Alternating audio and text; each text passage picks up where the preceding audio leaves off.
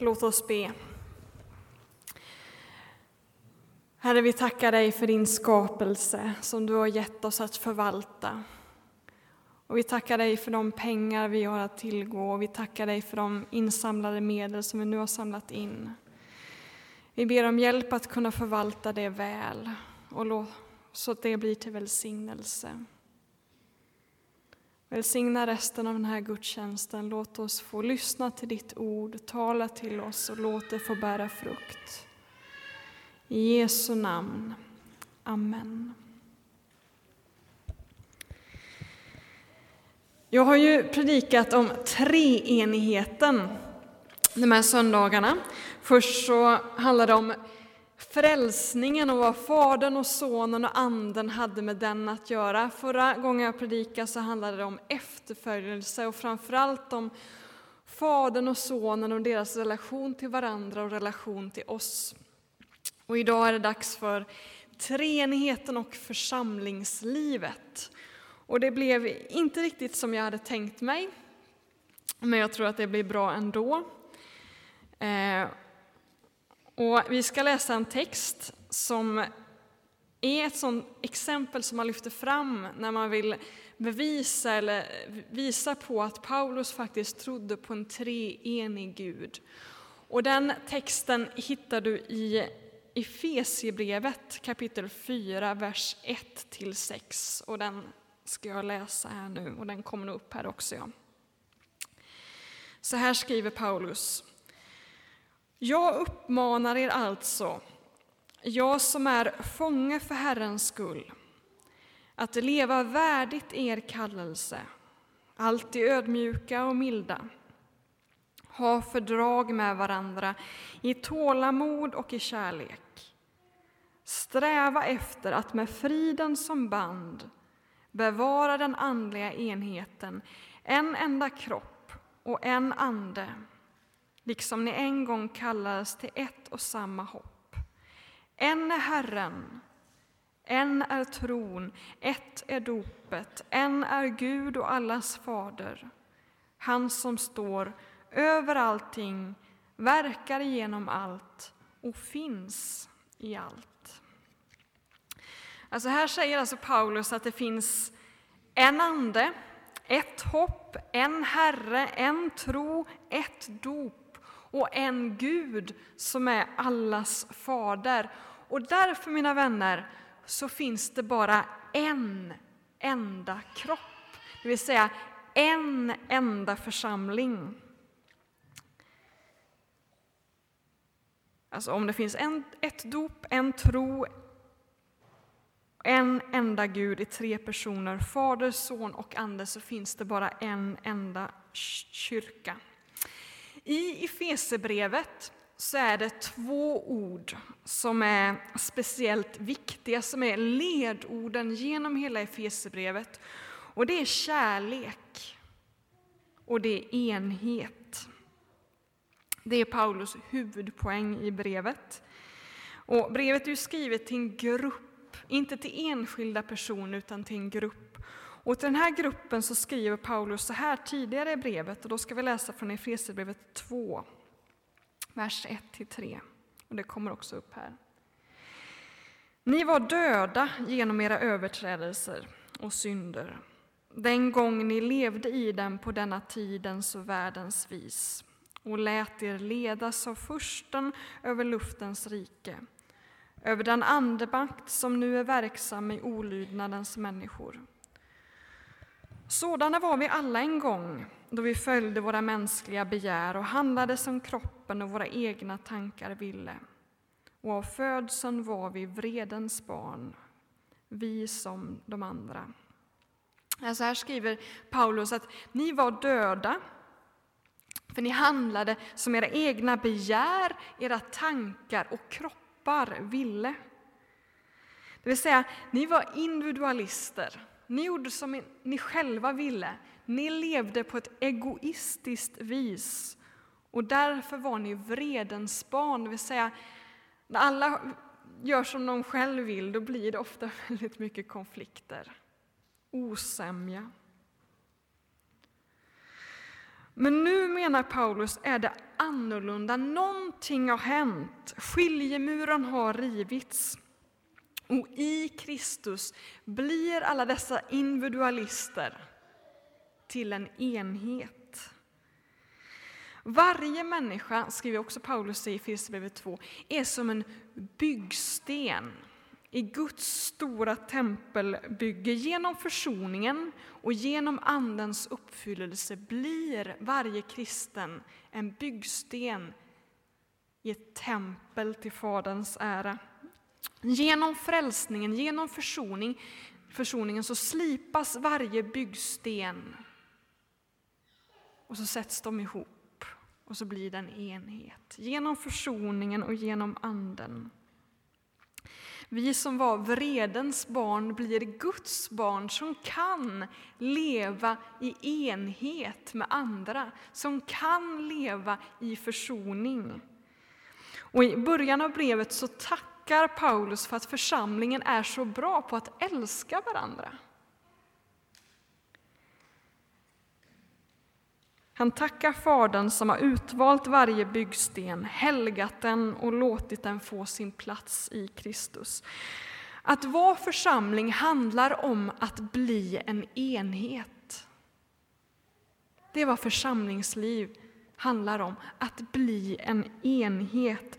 Att bli fri från allt det som skiljer oss från varandra. Vad är det som skiljer oss människor åt? Jo, det är ju osämja, det är likgiltighet, det är hat, det är bitterhet, det är egoism. Det bygger murar. Och att vara församling, det handlar om att försonas från allt detta och lära sig att bli sams, att lära sig att bli en enhet, ett enda tempel där Fadern kan bo genom sin ande. Det handlar om att bli försonad. Att bli en gemenskap. Och det är inte lätt. Det vet vi, det är så svårt att vara sams. Det är svårt att vara sams.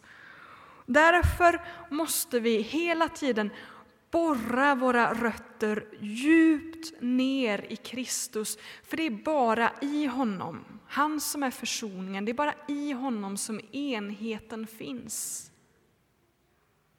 Bara i Kristus. Därför måste vi borra djupt ner i Kristus, annars blir det bara elände och pannkaka av alltihopa. Hur blir man då rotad i Kristus? Nu ska jag snabbspola igenom hela Efesierbrevet och ta några stycken som finns där eh, om detta. Först har vi kapitel 1. Jag bara berättar nu, vi läser inte utan jag bara berättar. Där tackar Paulus för att Fadern låter oss bli rotade i Kristus. Att Fadern har utvalt var och en, att han har grävt ett hål, stoppat oss ner med rötterna neråt och så har han vattnat. Alltså detta med att bli, vara rotad i Kristus är någonting som kommer av Fadern. Det är bara att tacka och ta emot. Det är tydligt i kapitel 1. Tacksägelse över att detta är Faderns verk. Därför måste vi överlåta oss. Sen har vi kapitel 3 som, där Paulus säger att han har fått uppgiften att förkunna, att ge budskapet om den outgrundliga rikedom som finns i Kristus. Det finns en lärare på Örebro Missionsskola som också skrivit en riktigt bra bok, Roland Spjut. Han har skrivit en bok som handlar om det här med etik. Och han sa någon gång att han berättade om liknelsen om pärlan. Så här står det i Matteus 13. Med himmelriket är det också som när en köpman söker efter fina pärlor. Om han hittar en dyrbar pärla går han och säljer allt han äger och köper den. Och då sa Roland så här, att tyvärr är det ofta så i kristna församlingar att när vi pratar om etik och moral, vad man ska göra som kristen, så säger vi ofta bara sälj allt, försaka det här, så här ska du göra och så vidare. När vi istället borde visa pärlan. Titta här vad du kan få. För det är när man ser pärlan, när man får tag på pärlan, som man får kraft att kunna försaka allt, att sälja allt. Därför måste vi först visa pärlan. Sen säger vi, sälj allt du äger. Om det är så att det är brist på efterföljelse i svensk frikyrka så tror jag att det delvis är predikanternas fel. Att vi har misslyckats med att berätta om denna outgrundliga rikedom som finns hos Jesus. Vi har i så fall misslyckats att berätta om Jesus. För han är värd att följa, han är värd att sälja allt för. Vi måste fördjupa oss i den outgrundliga rikedom som finns i Kristus. Då får vi rötter. Då får vi rötter. Sen ber också Paulus, han faller på knä inför Fadern i kapitel, kapitel 3 och ber om att Gud ska skänka församlingen Anden. Och att de ska förstå höjden och längden och, längden och bredden och djupet av Jesus kärlek. Och han säger att det gör vi tillsammans med alla de heliga. Och så är det. Det är när vi sträcker ut händerna till andra kyrkor, till andra kristna, som våra rötter borras djupt ner. När vi ber tillsammans med andra kristna, då får vi rötter. Då blir vi rotade i Kristus. Sen finns det en annan text, och det är vidare i kapitel 4, och den ska vi läsa från kapitel 4, vers 14 till 16. Vi ska inte längre vara barn och låta oss drivas omkring av alla lärovindar. Inte vara lekbollar för människorna som vill sprida villfarelse med sina bedrägliga påfund. Nej, låt oss i kärlek hålla fast vid sanningen och växa i alla avseenden så att vi förenas med honom som är huvudet Kristus. Han låter hela kroppen fogas samman och hållas ihop genom att alla lederna hjälper och stöder med just den kraft han ger åt varje särskild del. Då växer hela kroppen till och byggs upp i kärlek. Alltså, vi ska hålla fast vid sanningen. Och enligt Paulus får man tag på denna sanning genom att lyssna till församlingens lärare, och de har vi ju i skriften. Vi ska hålla fast vid den sanningen, vi ska ta vara på den och låta den bära frukt, och så förenas vi med Kristus. Så blir vi rotade i honom. Men det är, inte, det är inte bara detta med undervisning, utan han skriver också här att vi ska hjälpa varandra med just den kraft som Gud ger åt varje särskild del. Vi ska hjälpa varandra. Så blir vi rotade i Kristus. Genom att hjälpa varandra. Så blir församlingen till en enhet och det gör vi med den kraft som Gud ger. Så blir vi sams. Så blir vi till en gemenskap. Alltså vad håller jag på att prata om nu? Jo, jag sa att ledorden i Efesierbrevet är enhet och det är kärlek. Och det är möjligt genom att Fadern har utvalt varje byggsten, varje kristen. Han har rotat varje byggsten i Kristus och vi blir rotade, rötterna fördjupas genom att vi fördjupar oss i kunskapen om Kristus genom bönen tillsammans med de andra kristna, genom att vi hjälper varandra. Undervisning, bön och gemenskap.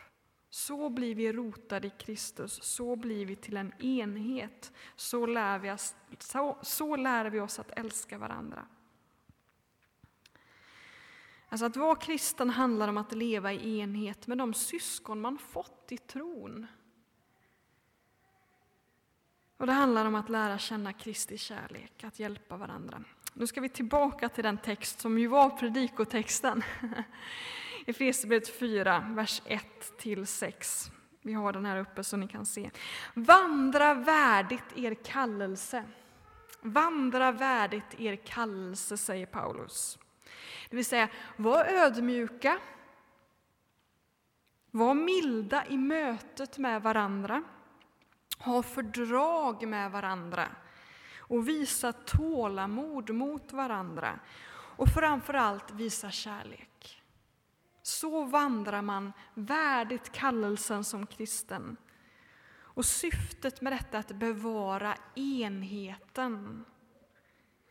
Och det är en lite dålig översättning, du finner den bättre i, i folkbibeln, så står det i vers 3. Var ivriga att bevara Andens enhet genom fridens band. Alltså detta är ingen andlig enhet i allmänhet, utan det är Andens enhet, den helige Andes enhet.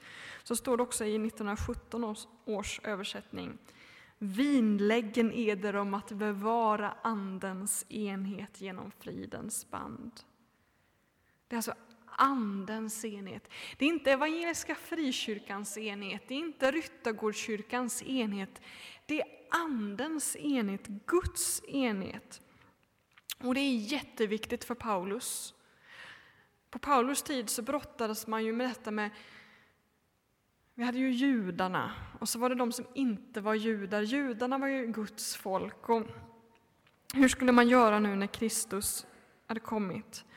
Och då är det tydligt i Paulus brev, också i Apostlagärningarna, att det som hjälper de kristna på den här tiden att förstå att även hedningar, de som inte är judar, fick vara kristna, det var att de fick Anden. Det var beviset på att även hedningar tillhörde Guds folk. Alltså tack vare Jesus är synderna försonade, det som skiljer oss emellan. Och det jag sa, att det som skiljer oss emellan är ju synderna, det är konflikterna, det är hatet, det är likgiltigheten. Det skiljer oss emellan. Genom Jesus så försonas allt detta. Så kommer vi nära varandra. Och så får vi alla dricka av en och samma ande. Det är det som förenar. Kolla bara det här kända bibelordet från första Korinthierbrevet 12 och vi får upp det här. Precis. Med en och samma ande har vi alla döpts att höra till en och samma kropp, vare sig vi är judar eller greker, slavar eller fria. Och alla har vi fått en och samma ande att dricka. Så du blir vad du äter, fanns det en reklam för knäckebröd. Alltså här, du blir vad du dricker. Genom att vi dricker av Anden så blir den Andens enhet. Anden för oss samman, Kristus för oss samman. Tillbaka till den här huvudtexten kan vi ha uppe här, Efesierbrevet 4, 1-6. Alltså det finns bara en ande, det finns bara ett hopp, en Herre, en tro, ett dop, en fader. Därför finns det bara en kyrka, en församling. Vi har bara en Gud. När jag gick på gymnasiet så hade jag vänner. Jag gick på gymnasiet inne i Göteborg. Och där hade jag vänner som var med i Vinjardförsamlingen där. Och i Vinjardförsamlingen i Göteborg finns det många som även är aktiva inom oasrörelsen. Oasrörelsen är ju en karismatisk förnyelserörelse inom Svenska kyrkan. Och när jag gick på gymnasiet så var inte den så jättekänd. Och jag levde i en ganska stor missionsförsamling ute på Donse som är en riktig så här frikyrklig ö utanför Göteborg. Ön har 1400 invånare och församlingen har 500 medlemmar. Så det, det är en frikyrklig ö.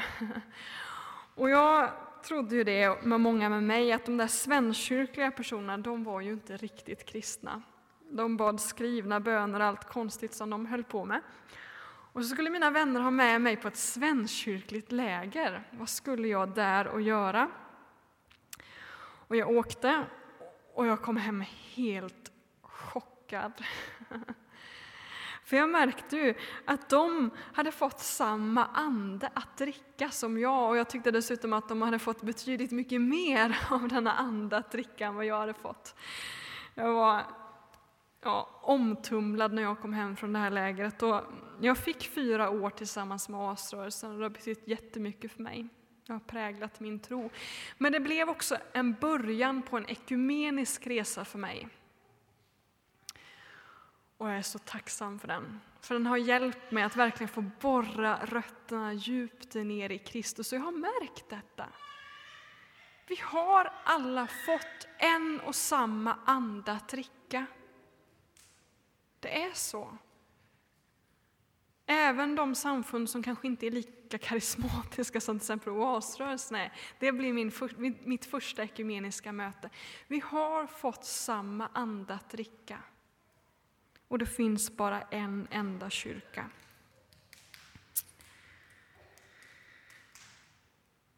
Alltså vi kan inte vara i konflikt med våra kristna systrar och bröder, för det är som att vara i konflikt med Gud själv, för Anden bor ju i varje kristen. Hur ska jag då kunna vara osams med andra kristna? Det är ju som att vara i konflikt med Gud själv. Det finns bara en Gud, och det kan vi hålla med om. Det finns bara en ande, en son, en fader. Och dessa verkar i en enhet, i treenigheten. Enhet är ett nyckelord i kristen tro, ett nyckelord. Enhet och försoning. Och därför måste vi vara trogna denna kallelse, att vandra värdigt denna kallelse, att vara milda och ödmjuka, att ha fördrag med varandra. Annars är vi inte trovärdiga i vårt evangelium. Det finns bara en Gud. Men är det då så att det bara finns ett enda, en enda tro, ett enda hopp, ett enda dop? Det är ju faktiskt det som har splittrat oss. Hur tänker ni kring frågan kring dopet? Troendedop och barndop? Jag vet inte hur ni har löst det här i församlingen. När man diskuterar sådana frågor så måste vi komma ihåg att vandra värdigt vår kallelse. Vi måste vara milda, vi måste vara ödmjuka, vi måste ha tålamod med varandra när vi diskuterar de frågorna som skiljer oss åt. Dopet till exempel. Vi ska vara ärliga, men vi ska inte vara elaka. Det är stor skillnad på dem. Vi ska vara ärliga men inte elaka mot varandra. Och så måste vi komma ihåg att enheten vi pratar om, det är Andens enhet, det är inte konsensus i alla frågor. Det vi ska sträva efter är Andens enhet.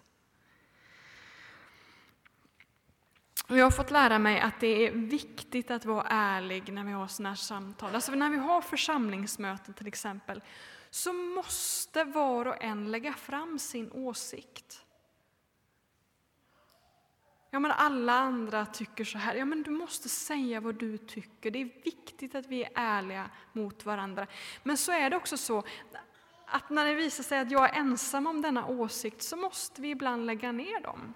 Om det är så att du tycker att vi ska ha röda gardiner i kaféet och alla andra tycker att vi ska ha blåa gardiner, så säg det! Var ärlig och säg jag vill ha röda gardiner i kaféet, det är min vilja. Men om ingen annan håller med dig så måste du vara en god kristen och lägga ner det och säga så här har vi bestämt. Och inte gå och prata, prata skit om andra som har tagit det här beslutet. Alltså därför är det så viktigt att vara ärlig, så man inte säger ja, ja men jag hade hellre velat ta sådär. Och så går man runt och sprider osämja. Var ärlig på församlingsmötet, men var det utan att vara elak. Vi måste vandra värdigt vår kallelse, ödmjuka, milda, ha fördrag och tålamod med varandra, även de som är jättejobbiga och odrägliga människor. De ska vi ha tålamod med.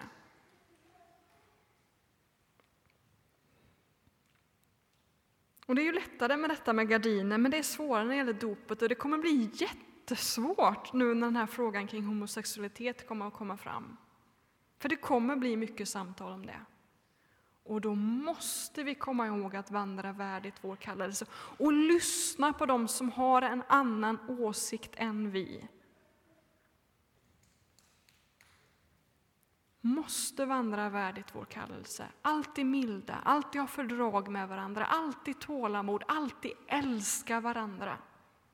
Och för att kunna det så måste vi rota oss i Kristus. Vi måste rota oss i försoningen. Och man är inte en trovärdig församling om man sopar alla konflikter under mattan.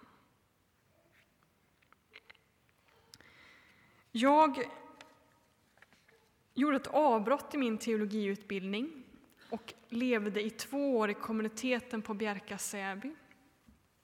Och det räknar jag som den dyrbaraste tiden i mitt liv. Eh, Levde någon slags klosterliv där. Alltså en kommunitet är ungefär som en bönegrupp som, som lever och bor tillsammans. Ibland är det så att man arbetar tillsammans och det gjorde vi. Jag skulle alltså bo tillsammans med sju andra som jag inte hade valt, inte kom från samma samfund som jag, tyckte olika om det mesta. De skulle jag be tillsammans med, de skulle jag äta tillsammans med, de skulle jag arbeta tillsammans med. Och oh, vad nyttigt det var! Och vad jobbigt det var. Och vi åkte regelbundet till ett kloster utanför Ödeshög eh, som ligger vid berget Omberg, Heliga hjärtas kloster och träffade två nunnor där. De var lite faddra för oss och det var ofta det de tog upp. Hur hanterar man konflikter på ett kristet sätt? Och de var jätteduktiga på det. Och de poängterade hela tiden att man måste våga vara ärlig. Man måste våga bli osams ibland. För att man ska lära sig vad försoning handlar om. Alltså när man tiger om allting och man lägger allting under mattan, då blir man inte rotad i Kristus. Då lär man sig inte vad försoning handlar om, utan fram med allt. Så blir man en enhet. Det är ingen låtsasenhet vi pratar om här, utan en riktig enhet.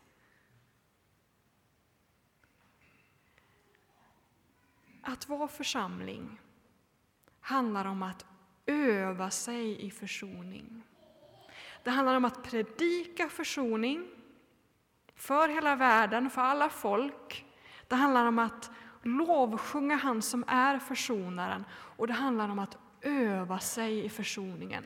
Ju mer man övar sig, desto bättre förkunnare blir man.